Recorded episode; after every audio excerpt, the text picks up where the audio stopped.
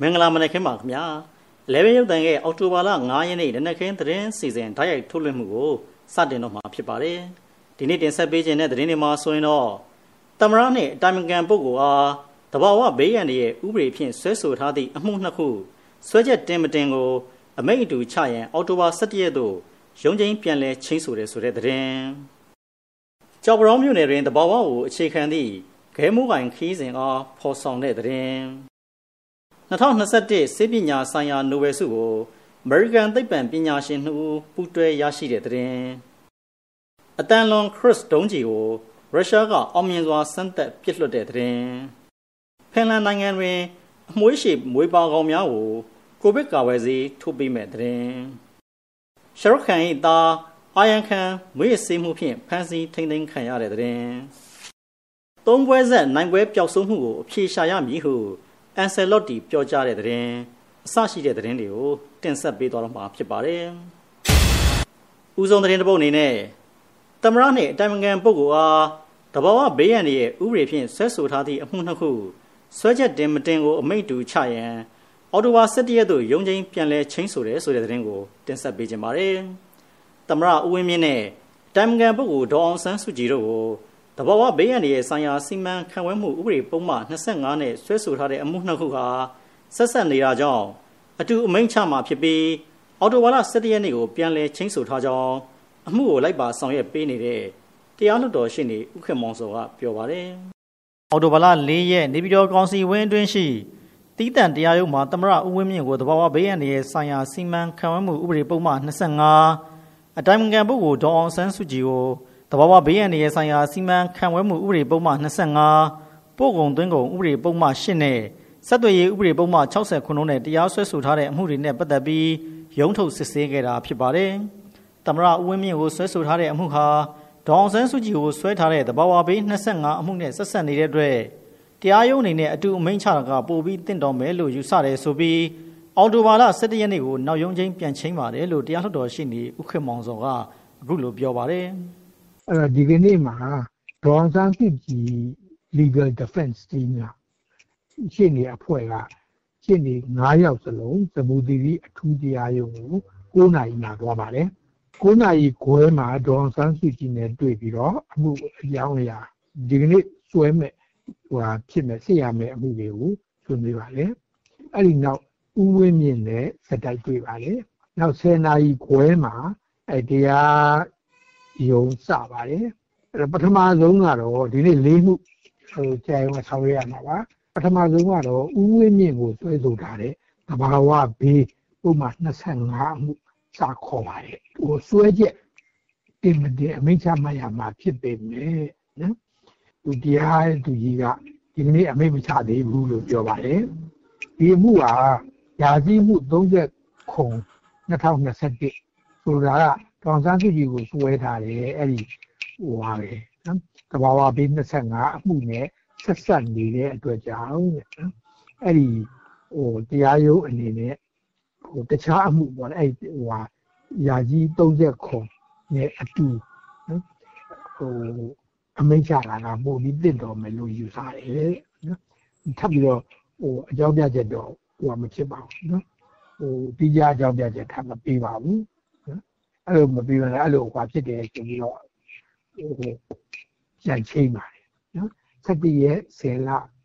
2021နောက်ရုံးချင်းကိုပြန်ချိန်ပါတယ်တမရဦးဝင်းမြင့်ကိုသဘောဝဘေးရန်ရဲ့ဆိုင်ရာစီမံခန့်ခွဲမှုဥပဒေပုံမှန်25နဲ့ရုံးထုတ်စစ်ဆေးမှုအပြီးမှာအတိုင်းအငံပုဂ္ဂိုလ်ဒေါအောင်ဆန်းစုကြည်ပေါ်ဆွဲဆိုထားတဲ့ပို့ကုန်သွင်းကုန်ဥပဒေပုံမှန်8နဲ့တရားစွဲဆိုထားတဲ့အမှုအတွက်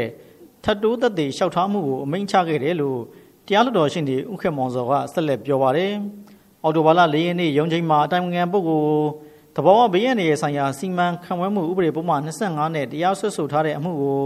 ဆွဲချက်တင်သင့်မတင်သင့်နှစ်ဖက်ရှိနေတွေလျှောက်လွှဲချက်ပေးခဲ့ကြတယ်လို့လည်းတရားလွှတ်တော်ရှိနေဥက္ကမောင်စောကပြောကြားပါတယ်။သမရဦးဝင်းမြင့်ကိုသဘောဘေးရန်ရဲ့ဆိုင်ရာစီမံခန့်ခွဲမှုဥပဒေပုံမှန်25အတိုင်ပင်ခံပုဂ္ဂိုလ်ဒေါအောင်ဆန်းစုကြည်ကိုသဘောဘေးရန်ရဲ့ဆိုင်ရာစီမံခန့်ခွဲမှုဥပဒေပုံမှန်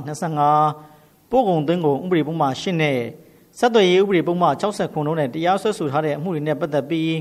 အပတ်စဉ်တနင်္လာနေ့မှာရုံးထုတ်စစ်ဆေးလျက်ရှိတာဖြစ်ပါတယ်။ဒါ့အပြင်သမရအတိုင်ပင်ခံပုဂ္ဂိုလ်နဲ့ဒေါက်တာမျိုးအောင်တို့ကိုရာဇသက်ကြီးဥပဒေပုံမှန်905ခါနဲ့တရားစွဲဆိုထားတဲ့အမှုနဲ့တဘောဝဘေးရန်ရဲ့ဆိုင်ရာစီမံခန့်ခွဲမှုဥပဒေပုံမှန်25နဲ့နိုင်ငံတော်တိုင်ငံပုဂ္ဂိုလ်တရားစွဲဆိုထားတဲ့အမှုတွေနဲ့ပတ်သက်ပြီးအပတ်စဉ်အင်္ဂါနေ့မှာရုံးထုတ်စစ်ဆေးလျက်ရှိတာဖြစ်ပါတယ်။ဆက်လက်ပြီး ကြောက်ရောမြို့နယ်တွင်တဘာဝကိုအခြေခံသည့်ဂဲမိုးအိုင်ခီးစဉ်ဒေတာအားဖော်ဆောင်နေရဆိုတဲ့သတင်းကိုတင်ဆက်ပေးကြပါမယ်။မန်လေးတိုင်းဒေတာကြီးညောင်ဦးခရိုင်ကြောက်ရောမြို့နယ်မှာတဘာဝအခြေခံဂဲမိုးအိုင်ခီးစဉ်ဒေတာကိုအကောင့်ထဲပေါ်ဆောင်ရွက်လျက်ရှိတယ်လို့ဟိုတယ်နဲ့ခီးသွွားညွှန်ကြားမှုဦးစီးဌာနဗကံရုံးခွဲမှသိရပါတယ်။ ဆိုပါတဘာဝကိုအခြေခံတဲ့ဂဲမိုအိုင်ခီးစဉ်ဒေသမှာကြော်ပရောမြို့မှမိထလာမြို့ဘက်အထက်9မိုင်ခန့်အကွာကျက်မောက်တောင်ဆယ်မြောက်ဘက်2မိုင်ကျော်လဲကွကြီးရွာနဲ့လက်ပံအိုင်ကြီးရွာမြောက်ဘက်2မိုင်ခန့်အကွာမှာတည်ရှိတယ်လို့ဆိုပါတယ်ဂဲမိုအိုင်ခီးစဉ်ဒေသဟာမြန်မာနိုင်ငံအလဲပိုင်းမှာမကြုံဘူးတဲ့ဖြိုနှစ်ခုကြားမှာဖြစ်ပေါ်နေတဲ့တန်တာကြောက်တန်းပုံစံမျိုးဖုံးကြောက်တန်းကြီးနဲ့အလွန်အင်မတန်မှတာယာလှပတဲ့ခီးစဉ်တစ်ခုဖြစ်ပါလေလို့ဟော်တယ်နဲ့ခီးသွွားညွှန်ကြားမှုဦးစီးဌာနပကံရုံးခွဲမှလက်ထောက်ညွှန်ကြားရေးမှူး ဦးမျိုးမင်းအောင်ကအခုလိုပြောကြားခဲ့ပါတယ်။ရေမိုးအခီးစဉ်ဒေသဆိုရင်ပြင်ကြောက်ပရောင်းမြို့ကနေပြီးတော့ကြောက်ပရောင်းမိထီလာကားလမ်းမတိုင်သွားရင်9မိုင်မှာဘော်ရီ9000ဘုံကြီးကျောင်းရှိမယ်အဲဘော်ရီ9000ဘုံကြီးကျောင်းကနေပြီးတော့ဒီဘက်ကိုချိုးဝင်လိုက်မယ်ဆိုရင်အဲ2မိုင်3ဖာလုံးလောက်ထဲထဲကိုဝင်ရတယ်။အဲဝါရနဲ့တပ်ပန်းအောင်ရောက်ရှိမယ်။တပ်ပန်းအောင်ရွာမှာဆိုရင်ဆရာတော်ဘုရားကြီးဦးစန္ဒရာ ဆိုတဲ့ဆရာတော်ဘုရားကြီးရဲ့ရုပ်ကလတ်တော်ရှိမယ်နှစ်ပေါင်းငယ်တဲ့နှစ်ပေါင်း80ကျော်အားလေးပြီးတော့ဒီရှိခဲ့တဲ့ဆရာတော်ဘုရားကြီးရဲ့ရုပ်ကလတ်တော်မဘုံမသိုးတဲ့ရုပ်ကလတ်တော်တစ်ခုရှိမယ်အဲဒီမှာခဏဝင်နာပြီးတော့ပူပြီးတော့ဆရာတော်ဘုရားကြီးသင်္ကင်းကျောင်းသင်္ကန်းလေးပြီးတော့ကမိုးအိုင်ခီးစဉ်ကိုသွားမယ်ဆိုရင်ဒီဖလုံးလောက်ကြီးကြီးဆင်းပြီးလမ်းလျှောက်သွားရမယ်ဒီကမိုးအိုင်ခီးစဉ်ဒေသမှာဆိုရင်တဘာဝကိုအခြေခံတဲ့ခီးစဉ်တစ်ခုအနေနဲ့တော့လည်းကော စွန့်စားခီးစဉ်တစ်ခုအနေနဲ့တော့လည်းကောမြန်မာနိုင်ငံအလယ်ပိုင်းမှာမကြုံဘူးတဲ့ဒီရှိုးနှစ်ခုကြားမှာဖြစ်ပေါ်နေတဲ့ထုံးကြောက်တဏ္ဍာကြောက်တန်းပုံစံမျိုးဘာဝထုံးကြောက်တန်းကြီးနဲ့လွယ်အမတန်မှတာယာလှပတဲ့ခီးစဉ်တစ်ခုဖြစ်ပါတယ်ပကံမျိုးရဲ့ခီးသွားကဏ္ဍပုံပုံဖွံ့ဖြိုးတိုးတက်စေဖို့အတွက်ပြည်တွင်းပြည်ပခီးသွားတွေဆွဲဆောင်နိုင်မဲ့ရက်ရွာအခြေပြုခီးစဉ်ဒေတာအဖြစ် ဂဲမိုးအိုင်ခီးစဉ်ဒေတာကိုအကောင့်ထဲပေါ်ဆောင်ရွက်နေတာဖြစ်ပြီးဂဲမိုးအိုင်ခီးစဉ်ကိုတွားရလမ်းတစ်လျှောက်မှာနှစ်ပေါင်း80ကျော်ခန့်ရှိဆရာတော်ဦးစန္ဒရဲ့မပုံမတိုးရုပ်ကလတော်ဖုံးမြော်နိုင်ခြင်းတဘောဘောကိုအခြေခံတဲ့စွန်စားခီးစဉ်နဲ့တောတွင်လမ်းလျှောက်လိုသူတွေနဲ့လျှိုမြောင်ကြားတွေမှာတဲထိတ်ရင်ဖို့တက်ဆင်းရတဲ့ခီးသွွားဝါသနာပါသူတွေအတွက်အသင့်တော်ဆုံးခီးစဉ်ဖြစ်ပြီးဓာတ်ပုံဝါသနာပါသူတွေအတွက်လည်းဂဲတလုံးဆုအိုင်တစ်တလုံးဆုအိုင်လက်ငါးချောင်းအိုင်သကောဝိုင်းအိုင်တွေဟာ တန်တာကြောက်တန်းကဲ့သို့ဆွဲဆောင်နေတယ်လို့ဦးမျိုးမင်းအောင်ကဆက်လက်ပြောကြားခဲ့ပါတယ်။နိုင်ငံတကာသတင်းတွေကိုဆက်လက်တင်ဆက်ပေးပါမယ်။2021ခုနှစ်စေပညာဆိုင်ရာနိုဘယ်ဆုကို American သိပ္ပံပညာရှင်နှစ်ဦးပူးတွဲရရှိတယ်ဆိုတဲ့သတင်းကိုတင်ဆက်ပေးကြပါမယ်။အပူအေးနဲ့ထိတွေ့မှုဆိုင်ရာ ion cancer တွေနဲ့ပတ်သက်ပြီးဖော်ထုတ်တွေ့ရှိခဲ့တဲ့ American သိပ္ပံပညာရှင် David Julius နဲ့ Aram Fatah Futian တို့နှစ်ဦးကို အော်တိုဝါလ၄ရက်နေ့မှာစေပညာဆိုင်ရာနိုဘယ်ဆုချီးမြှင့်လိုက်ကြောင်းအကဲဖြတ်ရွေးချယ်ရေးဖွဲ့ကကြေညာခဲ့ပါတယ်။ဒီနှစ်နိုဘယ်ဆုရှင်တွေရဲ့ဖော်ထုတ်မှုကြောင့်အပူအေးနဲ့ထိတွေ့မှုတွေကအာယုံခံနပ်ကြောတွေဘလို့လှုံ့ဆော်လိုက်ပြီးလူမှာအပူအေးကအသိစိတ်ဖြစ်လာစေတယ်ဆိုတာနားလည်သိရှိလာစေတယ်လို့နိုဘယ်အကဲဖြတ်ဖွဲ့ကဆိုပါတယ်။မစ္စတာဂျူလီယပ်ကကယ်လီဖိုးနီးယားတက္ကသိုလ်မှပေါမောက္ခဖြစ်ပြီး မစ္စတာဖတ်တာဖူတီယန်က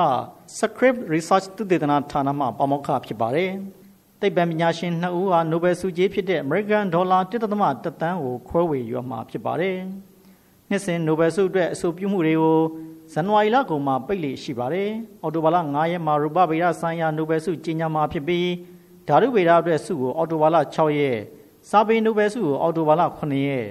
ဉာဏ်ဉာဏ်ရေးနိုဘယ်ဆုကိုအော်တိုဘာလ10ရက်မှာကြေညာပေးမှာဖြစ်ပါတယ်။ နိုဘယ်ဆုတွေမှာနောက်ဆုံးမှပေးတဲ့စီးပွားရေးအတွက်ဆုကိုတော့အော်တိုဘာလ17ရက်နေ့မှာကြေညာမှာဖြစ်ပါတယ်။မနစ်ကစေပညာဆိုင်ရာနိုဘယ်ဆုကိုအသေးအောင်တကွာစီပိုးရှာဖွေတွေ့ရှိခဲ့တဲ့ယောဂပိုးမွားဗေဒပညာရှင်၃ဦးက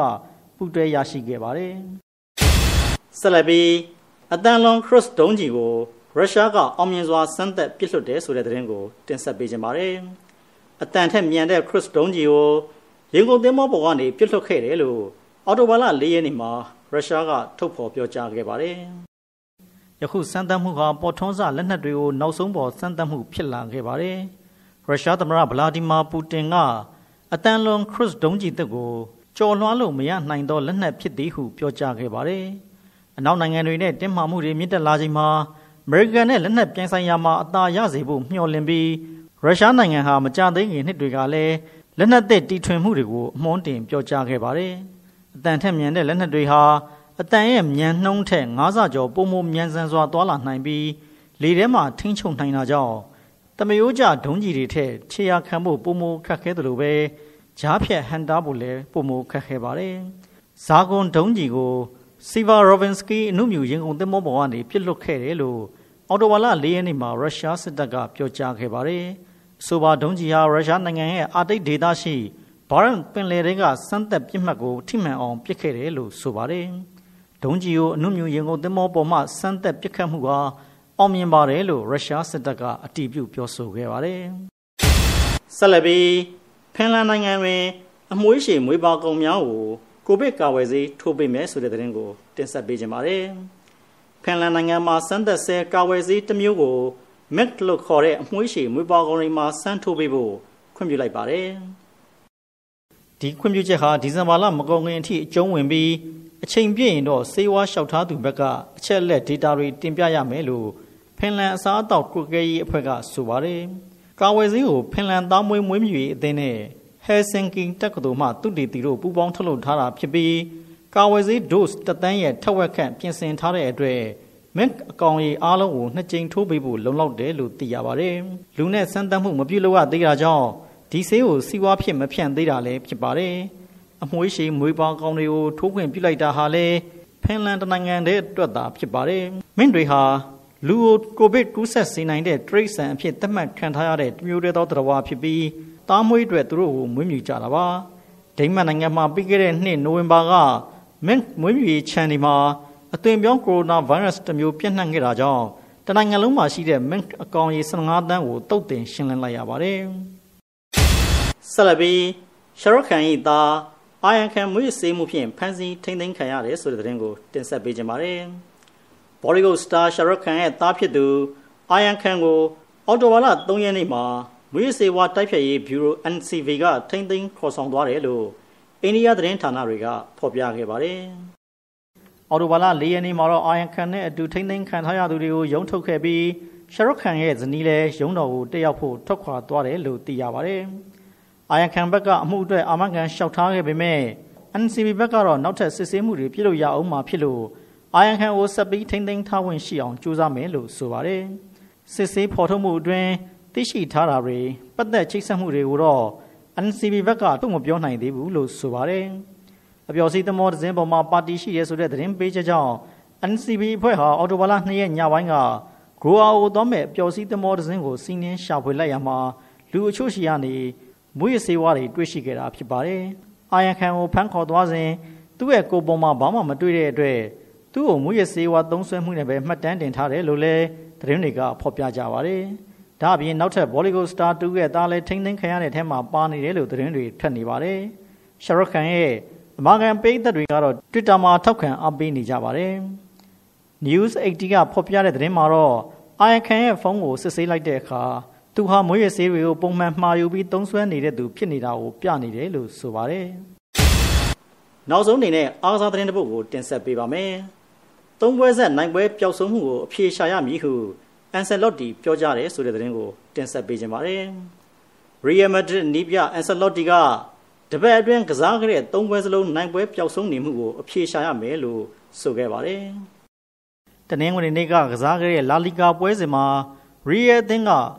အက်စပန်ညောအသင်းကို2ဂိုးတဂိုးနဲ့အရေးနှင်းခဲ့တာဖြစ်ပါတယ်။အန်ဆယ်လော့တီရဲ့အသင်းဟာပြီးခဲ့တဲ့လာလီဂါပွဲစဉ်မှာဗီလာရီယယ်နဲ့တည်ကြခဲ့ပြီးဂျာယန်မှာကစားခဲ့တဲ့ချန်ပီယံလိဂ်ပွဲစဉ်မှာလည်းရှာရစ်အသင်းကိုအင်ကွင်းမှာ2ဂိုးတဂိုးနဲ့အရေးနိုင်ခဲ့ပါတယ်။အက်စပန်ညောအသင်းနဲ့ရှုံးပွဲခါရီရဲ့အတွက်တပတ်အတွင်းနှစ်ပွဲဆက်ရှုံးနိုင်ခဲ့တာဖြစ်ပြီးသုံးပွဲဆက်နိုင်ပွဲပျောက်ဆုံးခဲ့တာလည်းဖြစ်ပါတယ်။အသင်းအနေနဲ့တပတ်အတွင်းအခုလိုပြောင်းလဲသွားတဲ့အခြေအနေအတွက် အပြေရှားမယ်လို့တနင်္ဂနွေညကပွဲပြီးမှနီးပြအန်ဆာလော့တီကဆိုခဲ့ပါတယ်။ကျွန်တော်တို့ကစားတာအရန်ဆိုးတယ်ဒီတော့ပြောစရာသိမရှိပါဘူး။ဂိုးပေးလိုက်ရပြီးနောက်ကျွန်တော်တို့ကစားတာဝရုံသုံးကားဖြစ်သွားတယ်ဒီရာသီကျွန်တော်တို့အတွက်အဆိုးရွားဆုံးပွဲစဉ်ဖြစ်ပါတယ်တပတ်အတွင်းမှာကျွန်တော်တို့အာယုံစူးစိုက်မှုဘာလို့ဒီလောက်ပြောင်းလဲသွားလဲဆိုတာအဖြေရှားပါမယ်ကျွန်တော်တို့ရှုံးပွဲနဲ့ထိုက်တန်ပါတယ်ဒါပေမဲ့နှစ်ပွဲဆက်ရှုံးခဲ့တာတော့ပုံမှန်မဟုတ်ဘူးလို့အန်ဆယ်လော့တီကပြောခဲ့ပါတယ် လာလီဂါပွဲစဉ်၈ပွဲပြီးမှရီယယ်တင်ကရမှတ်18မှတ်နဲ့အဆင့်1နေရာမှာရပ်တည်နေပါတယ်လေဗင်ရုပ်တန်ရဲ့အော်တိုဘာလ9ရက်နေ့တနက်ခင်းသတင်းတွေကိုဓာတ်ရိုက်ထုတ်လွှင့်တင်ဆက်ပေးခဲ့တာပဲဖြစ်ပါတယ်ကြီးစုနားဆင်ပေးခဲ့ကြတဲ့အတွက်အထူးပဲကျေးဇူးတင်ရှိပါတယ်ခင်ဗျာ